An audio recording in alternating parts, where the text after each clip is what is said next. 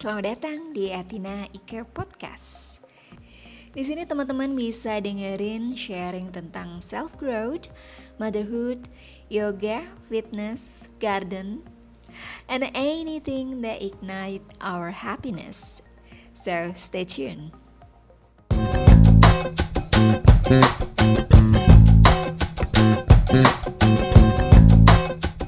Pernah nggak teman-teman dengar uh, statement-statement macam ngapain olahraga terus, berat badannya juga nggak berubah, atau pelatih kebugarannya aja berat badannya ini begitu, padahal kan setiap hari dia olahraga, atau udah olahraga terus menerus, nggak kurus-kurus juga, atau kalau dalam kasus saya badannya udah segitu, sudah kurus, ngapain olahraga? Oke, jadi pemahaman hubungan olahraga sama berat badan itu ternyata masih kental banget di masyarakat kita. Jangan salah, saya pun juga dulu pernah ada atau punya pemahaman seperti itu.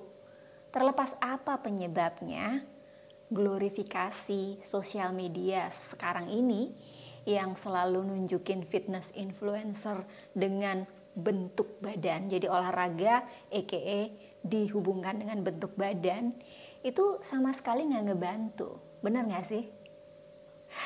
Alright, sekarang itu yang akan kita bahas, yaitu hubungan antara saya dan kamu, oh enggak ya? Nah itu yang akan kita bahas, olahraga dan berat badan. Alright, sebelumnya kita bahas apa sih itu olahraga, apa sih itu latihan fisik, atau apa sih itu aktivitas fisik. Oke, jadi olahraga dan latihan fisik itu adalah jenis dari aktivitas fisik. Olahraga sendiri adalah aktivitas fisik yang dilakukan uh, dengan aturan, uh, punya tujuan, biasanya prestasi atau kompetisi, bisa dilakukan perorangan atau uh, kelompok. Ya, ini ada aturannya. Nah, latihan fisik itu sama minusnya adalah kompetisi dan prestasi.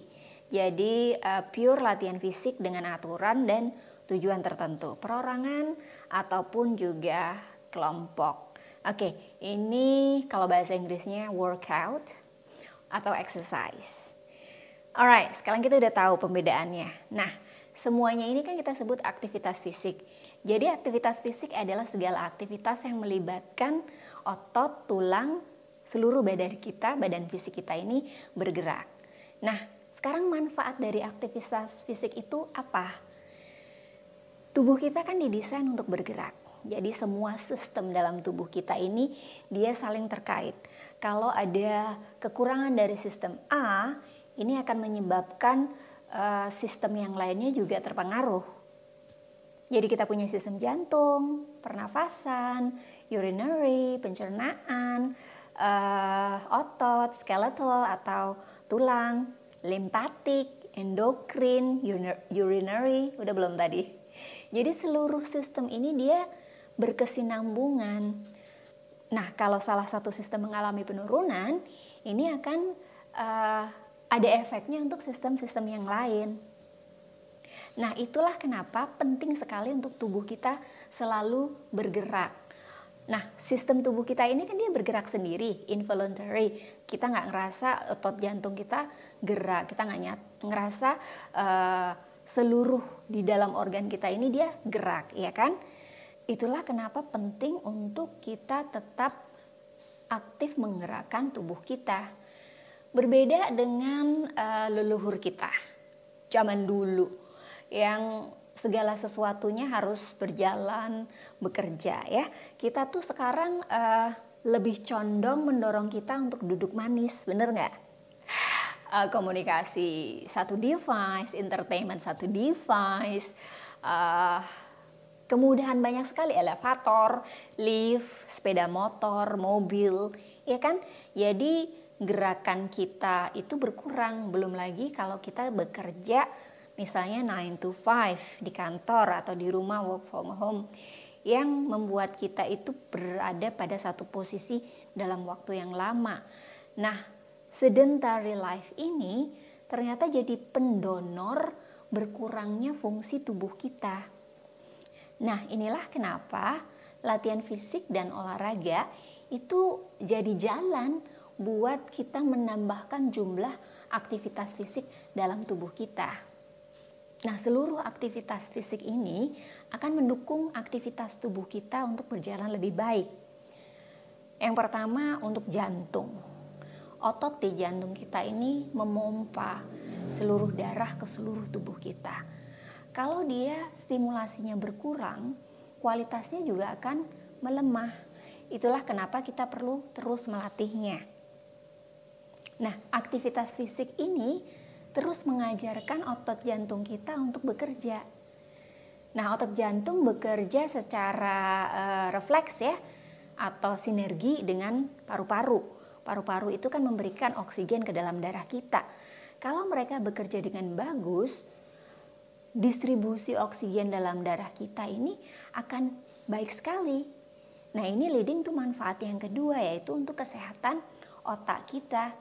Dengan asupan oksigen yang baik, otak kita akan bekerja lebih baik juga.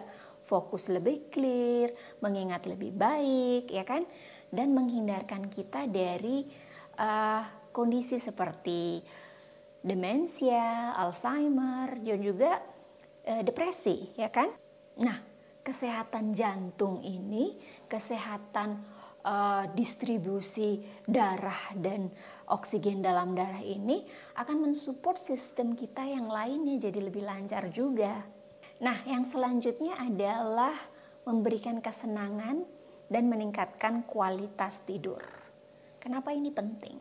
Ya kan? Seluruh aktivitas fisik, apalagi latihan fisik dan olahraga itu menghasilkan hormon-hormon yang menyenangkan sebutannya.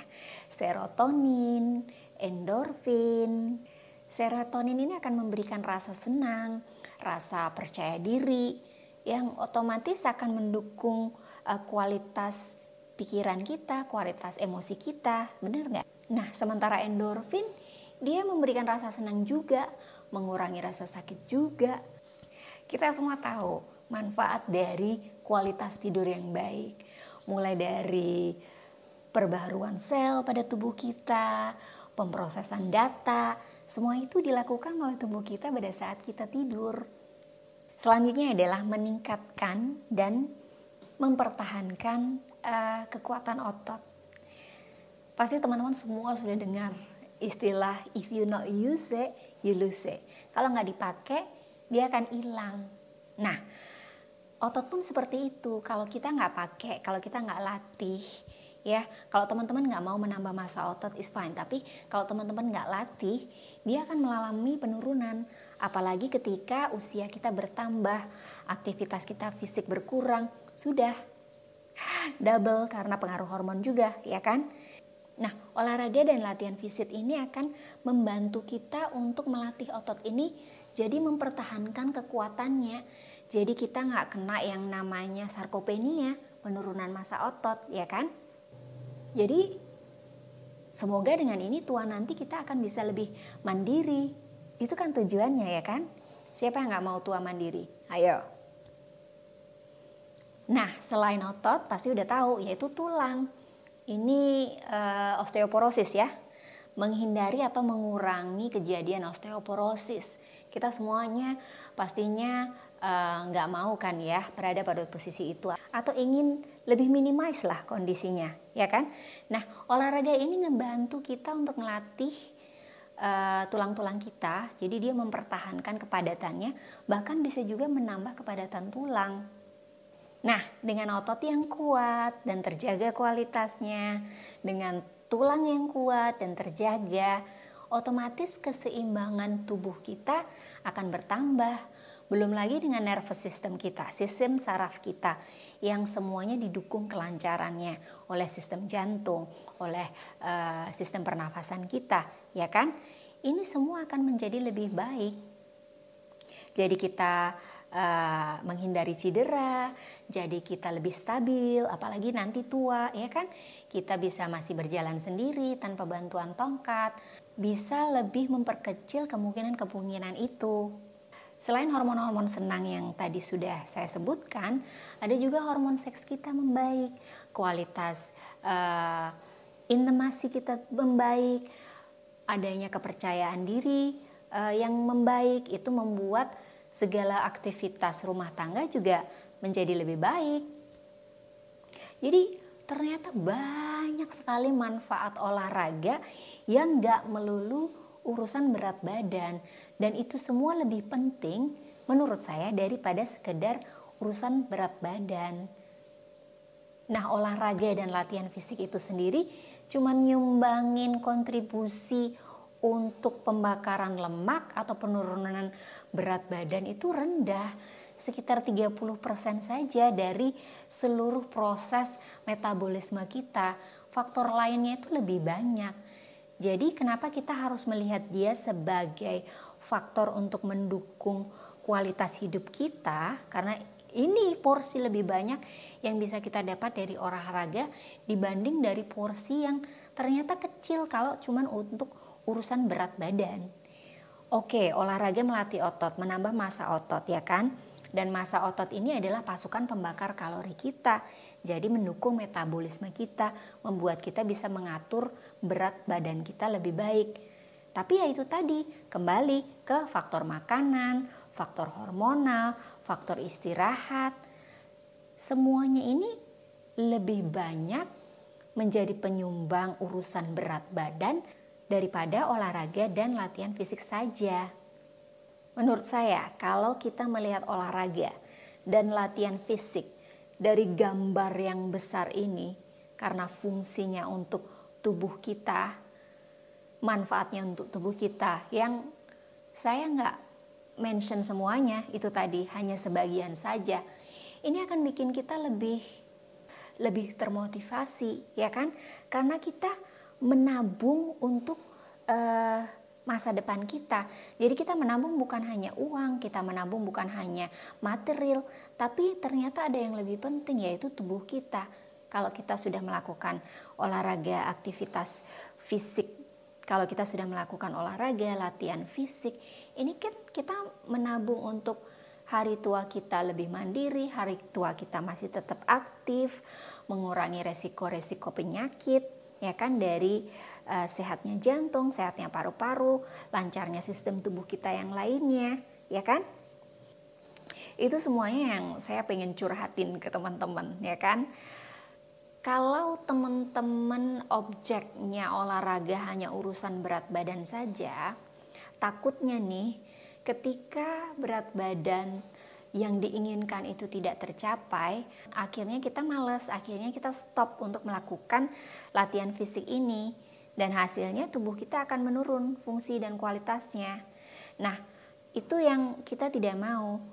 Kalau kita melihat olahraga sebagai penyumbang dari semua yang saya sebutkan tadi yang tidak semuanya, yang mungkin masih banyak yang tertinggal, ini akan lebih baik karena tidak ada faktor mengecewakan. Faktornya ada karena tidak ada yang membuat kecewa yang ada adalah kita menikmati manfaatnya dari secara emosi lebih senang. Kita tahu bahwa kita menabung untuk hari tua, untuk rumah kita yang paling penting yaitu tubuh kita. Ya harapannya akan menjadi lebih baik daripada kita hanya berkutat masalah olahraga itu turun berat badan, olahraga itu ngendutin badan, olahraga itu bikin otot penampilan jadi uh, lebih diterima di mata sosial, lebih kece. Ada yang lebih penting ternyata, kece yang di dalam. Kece ini tuh semua sistem-sistem tubuh. Alright, that's it. Uh, semoga ngebantu dan semoga langsung bikin teman-teman ah, alright, langsung besok latihan olahraga, latihan fisik semuanya ya. Mulai dari kecil uh, saya sempat ngobrol step-stepnya ada di podcast uh, memulai latihan kekuatan. Ini berlaku untuk semuanya ya, berlaku untuk olahraga juga. Uh, mulai dari kecil, bikin rencana, semuanya ada di sana. That's it for now. Terima kasih banyak sudah dengerin. Sampai ketemu di obrolan-obrolan, sharing-sharing, cerita-cerita kita selanjutnya. Thank you teman-teman. Stay well. Bye.